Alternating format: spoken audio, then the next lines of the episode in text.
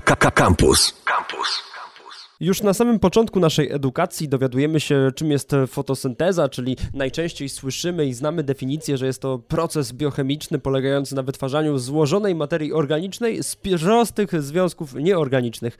Jednak, jak się okazuje, jest to zjawisko, które niesie za sobą znacznie więcej niż mogłoby się wydawać. Okazuje się, że fotosynteza to pewien język, którym rośliny komunikują się z nami, a dokładniej mówią o swoich potrzebach. Z nami już jest człowiek, który można by rzec ten język język opanował.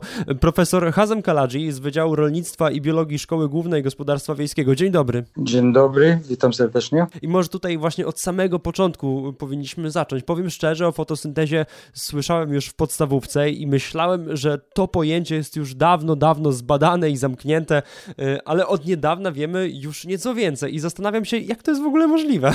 Właśnie e, okazało się, że to jest możliwe z uwagi na to, że e, tak naprawdę e, naukowcy na całym świecie w ostatnich latach zaczęli jakby trochę wrócić do tych starych, tak jak Pan wspomniał, zamkniętych tematów. I okazało się, że temat właśnie związany z procesem fotosyntezy jest więcej, jest tak jakby skomplikowany niż sobie wyobrażali ci badacze, którzy początkowali te e, badania w tym kierunku. E, w tym procesie tak naprawdę, jak Pan wspomniał w cudzych słowach, jest tak jakby język, e, po prostu mowę roślin, który trzeba go rozszyfrować. On daje nam informacji w krótkim czasie, w szybki sposób o tym, co się dzieje w roślinach. Mamy enzym, który został zidentyfikowany już dawno, natomiast e, mm, jakby jego tak jakby ta nowa rola w tej chwili jeszcze nie była zidentyfikowana. Chodzi o to, że te sygnały są tak naprawdę bardzo podobne do e, sygnałów, które daje serce człowieka, więc mamy informacje o stan zdrowotny każdego człowieka prawda, na świecie, niezależnie od nacji, lokalizacji i koloru i tak dalej. E, mamy podobny e, prawda, e, sygnał, czyli to jest około 60 do 90 uderzeń na minutę. Więc z takiego enzymu, który się nazywa fotosystem drugi, mamy też podobne sygnały, podobne liczby. Jest jeden z tych, powiedzmy, podstawowych parametrów, który mówi nam o maksymalną wydajność aparatu fotosyntetycznego, więc każda zmiana też tej liczby daje nam e, informację o tym, że coś nie tak e, e, z tymi roślinami. No to właśnie, to rozumiem, że jest pewne urządzenie, które może ten język w pewien sposób dekodować, te sygnały w pewien sposób, które odbieramy, tak jakby tłumaczyć na nasz, na nasz język? Tak, tak, jak najbardziej. To jest właśnie też analogicznie do stetoskopu, który używa każdy internista, e, e, hmm. obojętny, no e, powiedzmy też niezależny od kraju i, i powiedzmy warunki pracy, więc mamy bardzo podobne narzędzia, które stosujemy. To jest takie narzędzie, które zostało wymyślone tak naprawdę w latach 50., 60., ale tak jak mówiliśmy wcześniej, że no, ludzie jeszcze nie wiedzieli, do czego to może służyć, prawda?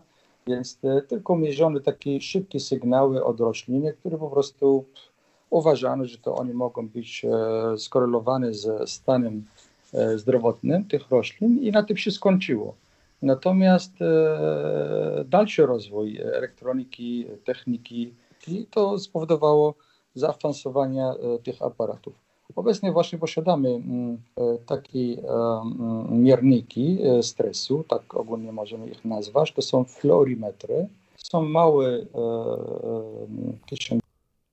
takie powiedzmy aparaty, które dają nam możliwości wykonania takiego szybkiego pomiaru z roślin, no i ewentualnie identyfikację ich stan zdrowotny na podstawie podstawowych albo bardziej skomplikowanych w dalszym ciągu późnej e, analizy. Rozmawiamy o badaniu roślin, badaniu ich w sposób dosyć niezwykły, dlatego że z pomocą e, prostego zjawiska, jakby się mogło na samym początku wydawać, czyli zjawiska fotosyntezy. Jak się okazuje, jest to pewien język, którym te rośliny się posługują. Powiedzieliśmy już, że to jest pewien stetoskop, e, który bada po prostu rośliny. Jak taki stetoskop wygląda? Czy to jest duże urządzenie, czy w jaki sposób podłącza się go do danej rośliny właśnie? E, właśnie to jest bardzo podobne e, do narzędzia, które jest e, tak naprawdę mniej więcej jest używany przez lekarzy, internistów.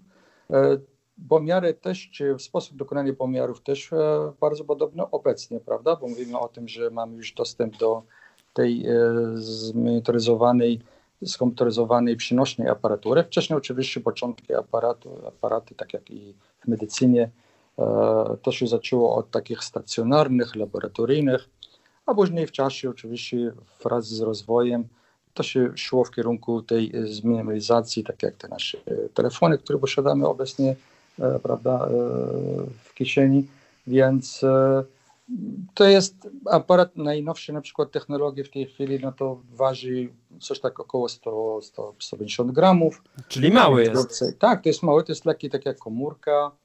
E, ma źródło światła, które po prostu powoduje e, powiedzmy e, wysłanie e, fali. Na ogół jest takie światło, które używamy, to jest takie światło wspodzenia E, około 650 e, nanometrów. E, no i później czekamy na reemisję pochodzącej od tych powiedzmy roślin. I to jest wszystko to oczywiście działa, działa w, w krótkim czasie, czyli w ciągu jednej sekundy tak naprawdę możemy dokonać taki szybki pomiar. Te pomiary są na ogół nieinwazyjne, E, tak jak mówiłem w przypadku stetoskopa u człowieka, to też prawda, lekarz tylko dotyka naszą skórę. E, tutaj w tej chwili mamy taki dotykowy, czyli musi być powiedzmy ten fluorimetr e, w pobliżu tego liścia, prawda? No, ale może być ewentualnie oddalony o kilka centymetrów albo kilkadziesiąt, a obecnie nawet ja, tak jak inni ludzie na świecie, próbujemy opracować e, bardziej zaawansowane systemy, które dają nam możliwości monitorowania właśnie roślin nawet e, z kilka, e, kilkadziesiąt parametrów, przepraszam. No właśnie, bo nie, tylko, bo nie tylko można dzięki temu badać, ale także i kontrolować w pewien sposób potrzeby, bo mm, też jestem ciekawy, jakie informacje od takiego florimetru otrzymujemy w ogóle.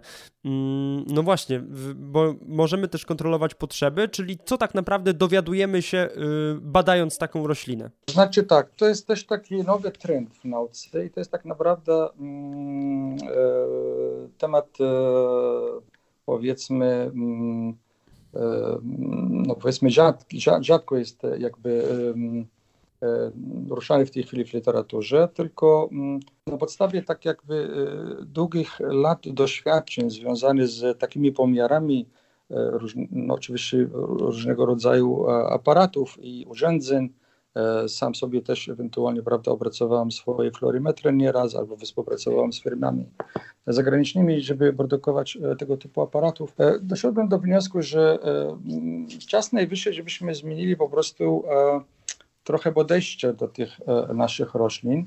Cały czas my uważamy, że to jest no, jakby maszyneria fotosyntetyczna, prawda, fabryka cukrów, który ma nam karmić, zapewnić nam pokarm, E, prawda, tlen i, i nic poza tym. I mm, wszystkie warunki, które myśmy e, jakby stworzyli dla tych e, roślin, szczególnie jak ich obrabiamy w warunkach półkontrolowanych albo kontrolowanych, czyli kontrolowanych tak jak szyklarnie, prawda, to my dajemy na ogół albo zapewniamy roślinom takie mm, warunki, na przykład światło, temperaturę, wilgotność i e, e, na przykład e, tych składników mineralnych, z zapasem. To wszystko, żeby nie zabrakło. Więc e, myśmy zauważyli podczas naszych badań w ostatnich latach, że, że jednak no, roślina to po prostu też jakby ma też w cudzych słowach powiem humor, prawda, i czasami ma to wszystko zapewnione, a mimo wszystko po prostu, no, szczególnie jeśli mówimy o proces fotosyntezy, no nie jest na, na takim optymalnym poziomie. Więc zacząłem jakby po raz pierwszy na świecie wprowadzić taki pomysł, żeby spytać po prostu rośliny. E, doszedłem do tego, że oni mają mimo wszystko, tak jak e, mówiliśmy, swój język. E, mamy narzędzia, które dają nam informacje o tym, co się dzieje. I teraz kwestia po prostu połączenia kilka jakby mm, tematów ze sobą, między innymi aplikacji sztucznych sieci neuronowych, mowa roślin w kierunku właśnie uczenia maszynowego.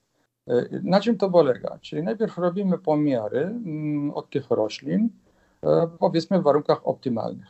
I zapisujemy to powiedzmy w tej pamięci, e, się mówi black box, czyli powiedzmy ta czarna skrzynka, gdzie tam mamy możliwości ewentualnie prawda, zachowania nieograniczonej ilości danych, które dostaniemy od rośliny. A potem ewentualnie prawda, zmieniamy intensywność światła mogą być ewentualnie, prawda, setki, nawet tysiące możliwości kombinacji, jeśli chodzi o intensywność tego światła i jego e, jakość, czyli spektrum. I to za każdym razem, jak do, dokonamy te, te, ten, ten pomiar, który ja obecnie e, na przykład robię taką technologią, on się nazywa pomiar fluorescencji chlorofilu z roślin, bo adaptacji, bo ich adaptacji w ciemności, no to ja mam w ciągu jednej sekundy ponad 100, e, e, e, powiedzmy 10 punktów na takiej krzywie, która się nazywa krzywa indukcji i to jest w ciągu jednej sekundy. I ponad 70 skalkulowanych parametrów, mówiące o tym, prawda, co się dzieje w tych roślinach, w tym aparacie fotosyntetycznym. Więc za każdym razem, jak mam jedną sekundę, mam ogromną ilość danych. Te wszystkie dane wtedy wprowadzamy, prawda, w różnych warunkach do tej skrzynki czarnej, do tej sieci neuronowej. I wtedy uczymy system, prawda, że takiej informacji masz, jak masz temperaturę powiedzmy 25, 26, 27 i tak dalej.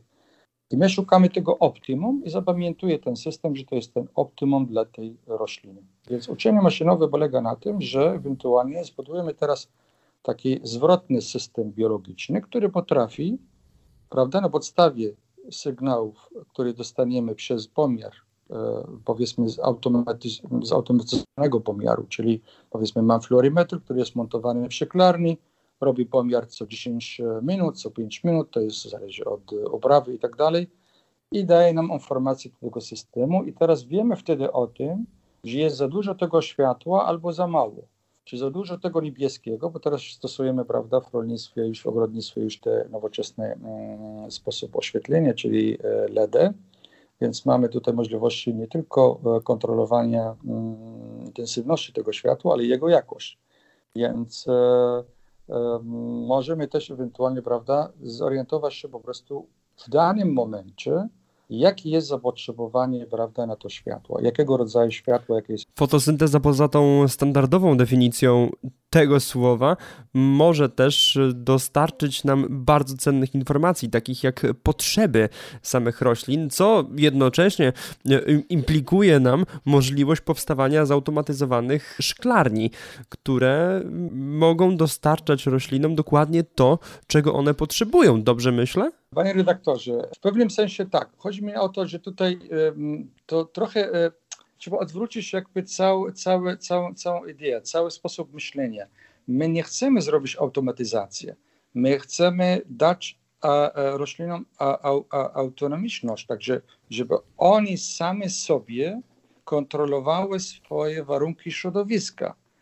Bo na początku, jak ja wiem, w jakim stanie oni są, prawda, e, e, e, i zapamiętujemy to, to wtedy mając taki sygnał, to wtedy ten system zwrotny biologiczny sam po prostu przekazuje oświetlenie albo dozowanie prawda, tych składników mineralnych że w tej chwili na przykład roślina nie potrzebuje tego tyle azotu, to można obniżać. Nie potrzebuje tyle magnezu, to można obniżać. Albo potrzebuje nagle, prawda, więcej potasu, bo coś się zmieniło, to ona wtedy to do, do, dozuje i tak dalej. To wygląda tak jak e, czasami podczas e, wykładów albo mm, prezentacji mojej na ten temat w, podczas konferencji jakichś tam powiedzmy lokalnych albo zagranicznych, to jest science fiction, ale tak naprawdę hmm. idziemy w tym kierunku, dlatego że proszę pomyśleć o, o obrawie roślin, który na pewno któregoś dnia się nastąpi, na przykład prawda, na innych planetach. Więc tam e, nie można, e, powiedzmy, nie myśleć o oszczędzaniu prawda, energii, e, żeby uruchomić to, to światło. Nie można mm, znieważyć na przykład, prawda, wagę, powiedzmy, ile litrów zużyjemy na co dzień, prawda, w danej szyklarni. To wszystko się liczy, bo to będzie każdy mililitr po prostu tam jest, prawda, potrzebny dlatego że e, właśnie myśl w ten sposób e, nie będzie nam dała, tak jak w tej chwili, jakby e, produkcja, która jest zaprogramowana przez tego końcowego użytkownika, czyli ten end user, czyli ten, ten człowiek, który codziennie idzie do sklepu i coś kupuje, tylko będzie kontrolowana przez same rośliny. E, to, to nie jest taki dziwny pomysł, to nie jest też taki nierealny, dlatego że proszę pamiętać o tym, że niedawno, niedawno, to jest e, historia i, czas to jest, e, wie pan, to wszystko względne, ale ze 100 powiedzmy ponad lat temu, no to człowiek, który po prostu, no natura po prostu mu nie obdarowała na przykład, nie wiem, e, słuch, prawda, myśliwości wysłuchania, jak się urodził na przykład już, prawda, Kuchę, no później opracowano obecnie dla niego, czy tam niedawno też e, taki mały aparat elektroniczny, który się wsadza do, do, do uszy i po prostu człowiek już słyszy, jak nie pełno, no to częściowo. To samo robią teraz w przypadku powiedzmy osób niewiadomych, prawda? Więc e, to samo dla zwierzęta też, jak e, brakuje jakiejś tam prawda, rękę czy tam e, nogę, to też ewentualnie w tej chwili noga pomaga, żeby uzupełnić. Więc różnica między rośliną tak naprawdę a, a człowiekiem, a zwierzętem, że no, no, roślina nie narzeka, nie, nie mówi. My nie słyszymy to, co ona mówi. Ona mówi. Ona mówi, o czym e, świadczą oczywiście najlepsze e, książki, e, publikacji światowej, w najlepszych czasopismach rośliny komunikują się ze sobą, dbają o siebie nawzajem, trują siebie nawzajem też, tak jak ludzi, dokładnie. Także mają swoje odczucia, swoje humory, swoje, wie pan, CV. Obecnie tak się mówi, teraz nowy trend też nauki, że próbują naukowcy na przykład, prawda, pisać dosłownie CV danego gatunku roślin. Więc już trochę tak inaczej zaczęliśmy podchodzić i, i, i roślina po prostu jak myśmy mogli, jak, tak to jest moja idea właśnie, żebyśmy dali jej możliwości wysłuchania e, tej mowy i kontrolowanie, no to wtedy po prostu uważam, że no, jesteśmy w domu. Wtedy po pierwsze tak, nie mamy zanieczyszczenia środowiska, mamy e, dobre rośliny, powiedzmy, już wracamy do tej ekologicznej produkcji. E, cała produkcja obecna, tak jak e, Pan wie i, i, i Państwo też, że, że po prostu idzie to pod kątem takim, powiedzmy, finansowym. Więc wymagamy i nie tylko od roślin, od zwierzęta czasami, prawda, też, żeby ta produkcja była powyżej niż ich optimum i nawet ich potencjał i możliwości. I to psuje się po prostu. Więc e, oddając tą autonomiczność po prostu e, e, roślin, tego systemu, to będzie powinno pracować w lepszy sposób. To w pewien sposób kształtuje tutaj Pan taki nowy pogląd, że w ogóle dzięki temu, dzięki temu odkryciu również możemy zmienić całe nasze podejście do roślin generalnie, jako samych w sobie. To jest chyba powiem i dobrze i niedobrze, bo to na przykład e, też no jak na przykład ja rozumiem na przykład jak ktoś nie je mięso, ale jak e, też zaczniemy zrozumieć albo powiedzmy myśleć cały czas o tym, że rośliny też czują, komunikują, e, jak jedna sałata leży na, na, na, na, w kuchni po, po jednej stronie, a druga sałata po drugiej stronie, to oni się z sobą tam jakoś tam, prawda, Kłócą. Sygnał, sygnały wysyłają. Oczywiście, że tak, to już udowodniono, od dawna nawet. E, wysyłają sygnały, że prawda, no to, no to strach wtedy człowiek, jak zacznie słuchać te krzyki, jak się mówią od tych roślin, to przestaniemy jeść w ogóle. Więc e, no to też, też niedobrze. Tylko tak jak mówię, my nie będziemy po prostu, no pewne granice nie wolno przekroczyć, także nie będzie na pewno przesada, jeśli ewentualnie spróbować zrozumieć y, konkretne, y, precyzyjne zapotrzebowanie tych roślin, prawda? A nie mm. tak, że y, wszyscy na przykład, wie pan, odkąd jak opracowano tę złote, złotą taką formułę, która się nazywa NBK, czyli to jest azot, fosfor, potas na świecie, no to po prostu rolnicy walą e, tych, e, tej chemii, powiedzmy, prawda, e, wszędzie, na całym świecie. No dobrze, a ja pytam, rozmawiam z rolnikami często, no i witam. A czy pan spytał tego, tego, tej pszenicy pana, czy, czy ona potrzebuje tyle, tyle tego azotu i fosforu? No nie. A jak ja mam spytać? A jak ja mam spytać? On pyta mnie od razu. Mówi, wie pan, z kieszeni taki florimetr i pokazuje mu. No, proszę pana, no ma pan florymetr, ma urządzenie, to pan zobaczy. Jak oni będą zapotrzebowały, to pan da. Jak nie, no to pan nie da więcej. Więc wie pan, dochodzi do, musimy dojść do takiej precyzji. Na przykład dana obrawa, dany gatunek w danych warunkach środowiskowych, w danym momencie, to zapotrzebowanie jest inne. Także dzisiaj oni mogą zapotrzebować na przykład tyle i tyle wody i potas i azot, a za, a za, a za godzinę albo po południu coś innego. Ja zadaję też takie banalne pytanie czasami też ludzie. Mówić, pan dzisiaj zjadł śniadanie? No to nie, ale wczoraj pan zjadł. No tak, a przedwczoraj też, a jutro to nie wiem. Mówi, widzi pan, czasami pan je śniadanie, czasami pan nie je śniadanie, ale pan żyje, funkcjonuje. Rośliny mają podobno, także oni nie muszą mieć na cały czas to samo, prawda? W ogóle po pierwsze, nie musi być e, taka sama dawka, nie musi być w tym samym czasie jak dowiemy się od nich, kiedy oni to potrzebują, z jaką dawką, to uważam, że e, będzie e, taka optymalna produkcja. To już tak na sam koniec zapytamy, bo y, ostatnio y, dowiedzieliśmy się, że jest y, pan profesor również y, jednym z najczęściej czytowa- cytowanych naukowców na świecie. I tutaj też takie trochę humorystyczne również pytania mam na koniec, bo nazywają pana profesora doktorem Hausem od roślin. Zgodziłby się pan z tym podpiskiem do nazwiska? E, no częściowo tak, dlatego że to była propozycja e, od moich kolegów, e, jak myśmy nagrali kilka filmów dla studentów i dla naukowców przez telewizję SGGW. Te, te filmy są dosyć ciekawe, zachęcam też do oglądania. Na YouTubie wystarczy moje nazwisko i Dr. House, albo rośliny, albo fluorescencja chlorofilu, to, to wchodzą różne właśnie takie podobne filmy. No i ja wam że my próbujemy po prostu znaleźć odpowiedź w inny sposób, znaleźć odpowiedź na te pytania, które jeszcze nie są do tej pory mm, jakby, wie pan, w pełni, ich odpowiedź nie jest w pełni jasna. Więc e, to robimy, robimy to zespołowo, robimy to w ramach współpracy. E, przede wszystkim, wie pan, chodzi o to, żeby człowiek był otwarty do, do wszystkich, zawsze. Ja nawet ze studentami to tak rzadko, żeby ktokolwiek deklarował z nauczycieli akademickich e, na dzień dobry, mówię na pierwszy wykład, że my nie jesteśmy tutaj, żebym ja przekazał wiedzę, ale my jesteśmy tutaj po to, żebyśmy e, dokonali takiej proces, który się nazywa wymiany wiedzy. Wie pan, każdy człowiek ma jakby swoje informacje, każdy swój, swoją wiedzę, a e, rolę nauczyciela akademickiego tutaj tak naprawdę jest uzupełnienie tej wiedzy.